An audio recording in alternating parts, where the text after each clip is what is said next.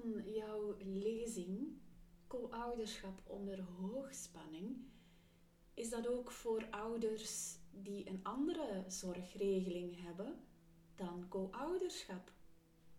Met andere woorden, stel dat je je kind één weekend om de twee weekends ziet, is jouw lezing dan ook interessant? Deze vraag kreeg ik vorige week en ja, ik viel bijna van mijn stoel. Niet, niet omwille van de vraag, want het is een hele goede vraag, maar hoe dat voor mij iets vanzelfsprekend is in dat woord co-ouderschap. Um, maar dat is ook maar vanzelfsprekend geworden door daar jaren in te werken. En ja, daar wil ik het graag um, toch eens over hebben, over dat co-ouderschap. Dus in deze aflevering ga ik het hebben over co-ouderschap. Hoe doe je ouderschap na scheiding en wat betekent dat woord co-ouderschap? Welkom bij de Straffe Ouders na de Scheiding podcast. Ik ben Anne Brems van Glinster en ik help ouders die in een moeilijke scheiding zijn terechtgekomen. Ik ga daarbij telkens met één ouder werken Ehm, om zo te kijken, ja, wat, wat kan er gedaan worden voor het welzijn van de kinderen en om een hele fijne samenwerkingsrelatie op te bouwen met deze ouders. En dat is moeilijker wanneer je met beide ouders werkt, omdat er veel wantrouwen is, veel um, spanning, veel gedoe. Co-ouderschap onder hoogspanning. Um, mijn supervisor, lieve Cotine, die vindt het dus ook een... Um, ja, hoe noemt zij het? Ik ga, ga, niet, niet woorden in de mond leggen. Maar ze zegt ook dat woord co-ouderschap, eigenlijk zouden we daar terug van moeten afstappen. En toen dat ik deze vraag vorige week kreeg van iemand, dacht ik, ja, hier moet ik het echt nog wel eens over hebben, over dat co-ouderschap, want daar zijn zoveel misverstanden rond. Ik heb er al veel over geschreven op mijn blog. En ik ga het nu gewoon nog even helder stellen. Wat versta jij onder co-ouderschap? Wat is dat voor jou? Wat betekent dat?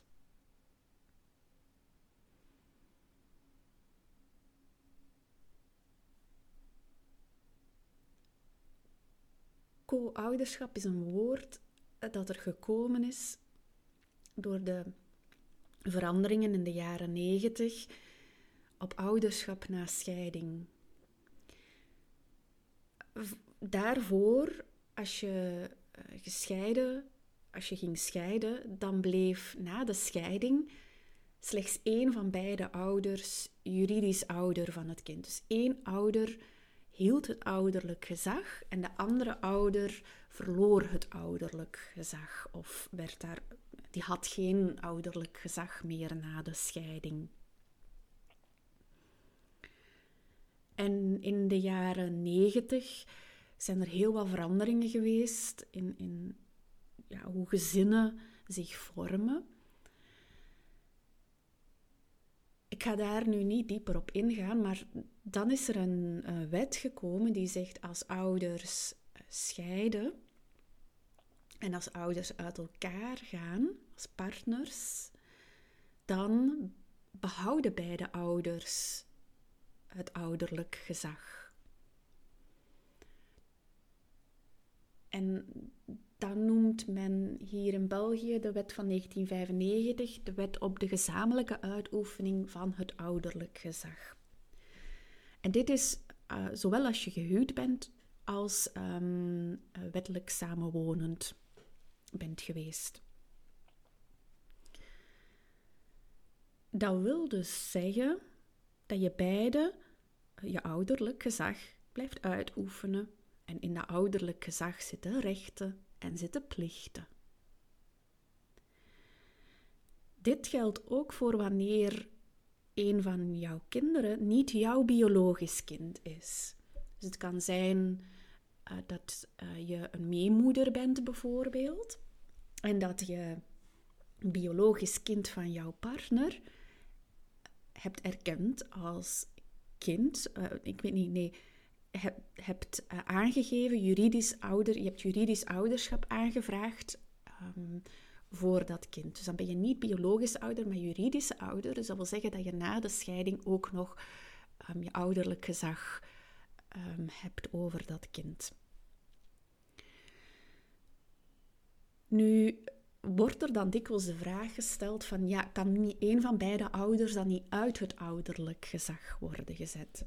Ik weet niet hoe dat dit in Nederland zit. Ik heb daar wel wat op over gelezen op internet om deze aflevering voor te bereiden.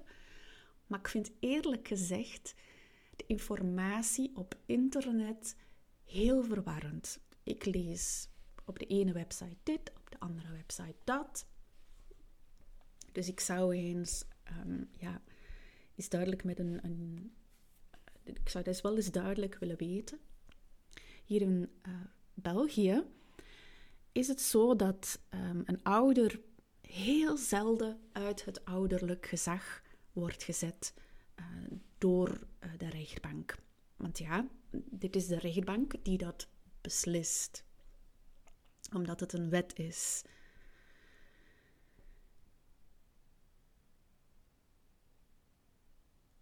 Heel zelden.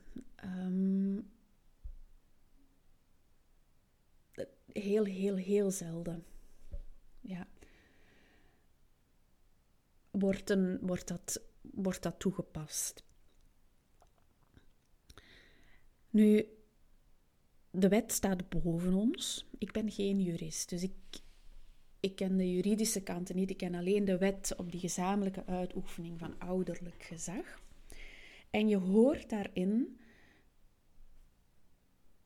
het is niet de uitoefening van het gezamenlijk ouderlijk gezag. Het is de gezamenlijke uitoefening van ouderlijk gezag. Dus iedere ouder heeft ouderlijk gezag over het kind. Dus dat laat ruimte vrij om te kijken van hoe gaan wij hierin communiceren met elkaar over dat ouderlijk gezag. En als je de lezing al hebt gevolgd, dan weet je dat er drie soorten co-ouderschap bestaan na de scheiding. Conflictueus co-ouderschap, dus dat is dat alle communicatie dikke ellende geeft en helse conflicten op de rechtbank of buiten de rechtbank. Dan heb je een tweede samenwerkend co-ouderschap. Dat is waarbij dat je het ouderlijk gezag, dat je kan spreken met elkaar over ouders, uh, als ouders, over je bezorgdheden, over de kinderen. En dan heb je parallel co-ouderschap. En dat wil zeggen dat iedere ouder zijn ouderlijk gezag uitoefent uh, in zijn gezin, in zijn huis. En dat doet naar eigen goeddunken um, en eigen vermogen, um, op een eigen manier. En dat dat eigenlijk parallel loopt met um, hoe de andere ouder dat doet. Dus dat daar weinig raakpunten zijn. Uh, ik, ik, weet niet of dat je nog de wiskundeles van vroeger kent. En je hebt snijdende rechten en je hebt evenwijdige uh, rechten. Snijdende rechten die raken elkaar. Dus dat zou je kunnen zien dat samenwerkend co-ouderschap en dat conflictueus co-ouderschap daar raken die twee ouderlijke lijnen elkaar. En bij parallel co-ouderschap lopen die evenwijdig aan elkaar. Dus dat gaat elkaar weinig raken, niet raken. Nu bij samenwerkend co-ouderschap gaan die twee lijnen elkaar raken en gaat dat oké zijn, dat is veilig, daar zit vertrouwen. Maar bij conflictueus co-ouderschap gaan die twee lijnen elkaar raken, omdat ze niet evenwijdig lopen, maar gaat dat um, helse conflicten geven. Dus daar gaan, op dat raakpunt gaat er telkens een bom barsten. Dat is een mijnenveld, precies een oorlog. Um, en dat, dat voel je aan de effecten uh, daarvan. Als je de lezing hebt gevolgd, dan weet je ook hoeveel procent um, van de ouders conflictueus co-ouderschap doen, hoeveel procent samenwerkend co-ouderschap en hoeveel procent parallel co-ouderschap. Dus als je deze ehm, podcast luistert en je bent daar benieuwd naar, dan zou ik je willen uitnodigen om het te raden. En uh, raad eens een keer hoeveel procent van elk. En stuur het mij door naar info.glinster.co en dan, uh, dan zal ik jou het antwoord geven. Dan eens kijken. Ik ben er wel benieuwd naar. Dus ik ga het niet verklappen hier. Laat het me gewoon eventjes weten. Zou fijn zijn. En dan laat ik het je weten uh, wat dat de percentages zijn. Dus co-ouderschap is voor mij die gezamenlijke uitoefening van ouderlijk gezag. En dat staat boven de verblijfsregeling. Dat staat boven de zorgregeling. Binnen dat gezamenlijke uitoefening van ouderlijk gezag zijn er ontzettend veel mogelijkheden voor de regeling. Je hebt, een, je hebt twee weekends. Je hebt een weekend om de twee weken. Je hebt een 9, 5. Je hebt een 10, 4. Je hebt een 2, 3, 3, 2. Je hebt een um, drie weekends op 4. Je hebt um, uh, vijf dagen op 7. Um, je hebt vier dagen op zeven. Um, je hebt, uh, heb je nog? Um, één zaterdag om de twee weken. Of één zaterdag en één zondag uh, per maand. Um, je hebt dan een, een, zaterdag en een woensdag. je hebt ook de regeling waarbij dat het kind volledig bij één ouder verblijft en op bezoek gaat bij de andere ouder. Um, en dat dat onderling geregeld wordt. Dus dat dat niet vast ligt, maar dat er gekeken wordt van ja, die dagen kom ik naar jou. Um, en je hebt dan ook de regeling waarbij dat een kind, um, waarbij dat er ja, een kind eigenlijk niet meer gaat naar een ouder. dat is ook een regeling. Dat is voor veel ouders een heel pijnlijke regeling natuurlijk. En al die regelingen vallen onder co-ouderschap. allemaal co-ouderschap, want beide ouders zijn nog juridisch ouders, hebben het gezag. Met de rechten en de plichten die daarbij horen.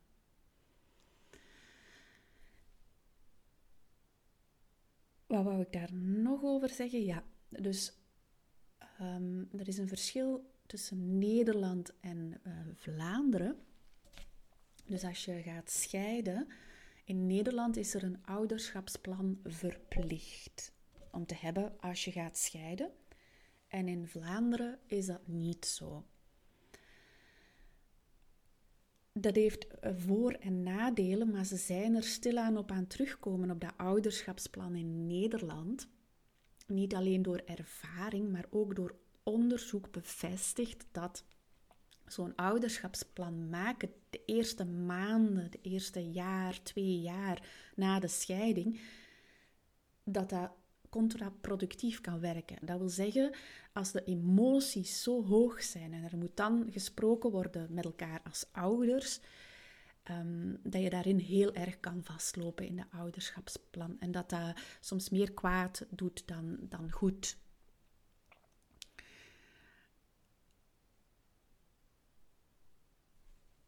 Als de emoties hoog zijn, als het conflict hoog is uh, tussen de ouders na de scheiding, um, dan is het maatwerk.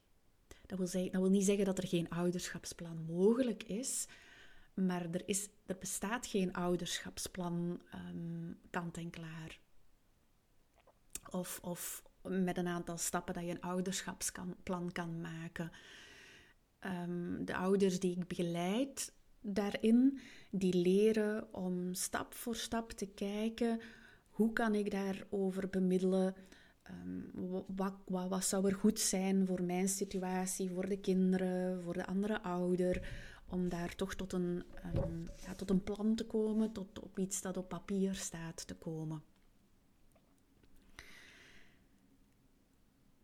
Dus als maatwerk, dat is echt heel erg gaan zoeken, kijken. Uh, iedere situatie is uniek.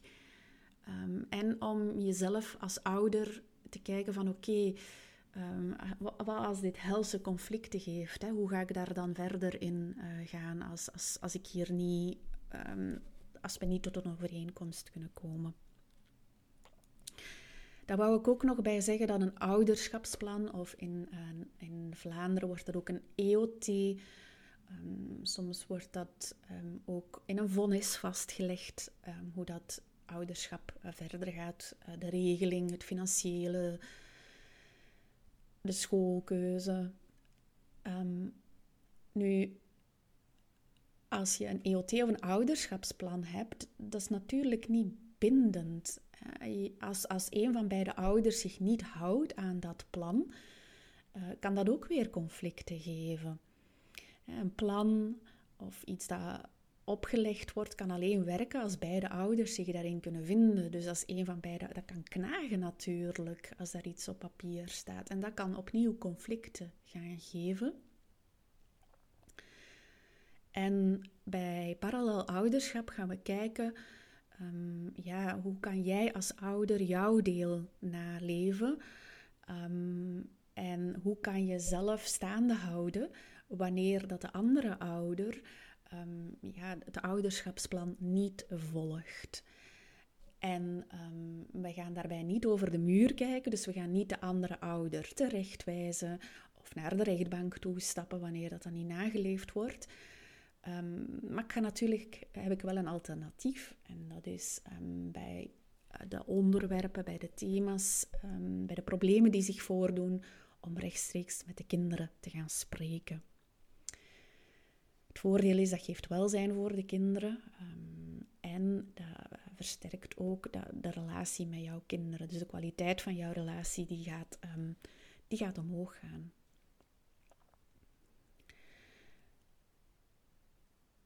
Bij een vonnis, um, ik weet niet hoe dat, dat in Nederland zit, bij een ouderschapsplan, of dat dat gehomologeerd wordt door eh, ik weet niet of dat homologeren het juiste woord is, maar dat wordt dan door de rechtbank hier, een vonnis wordt door de rechtbank vastgelegd en, en, en, en, in een officieel document.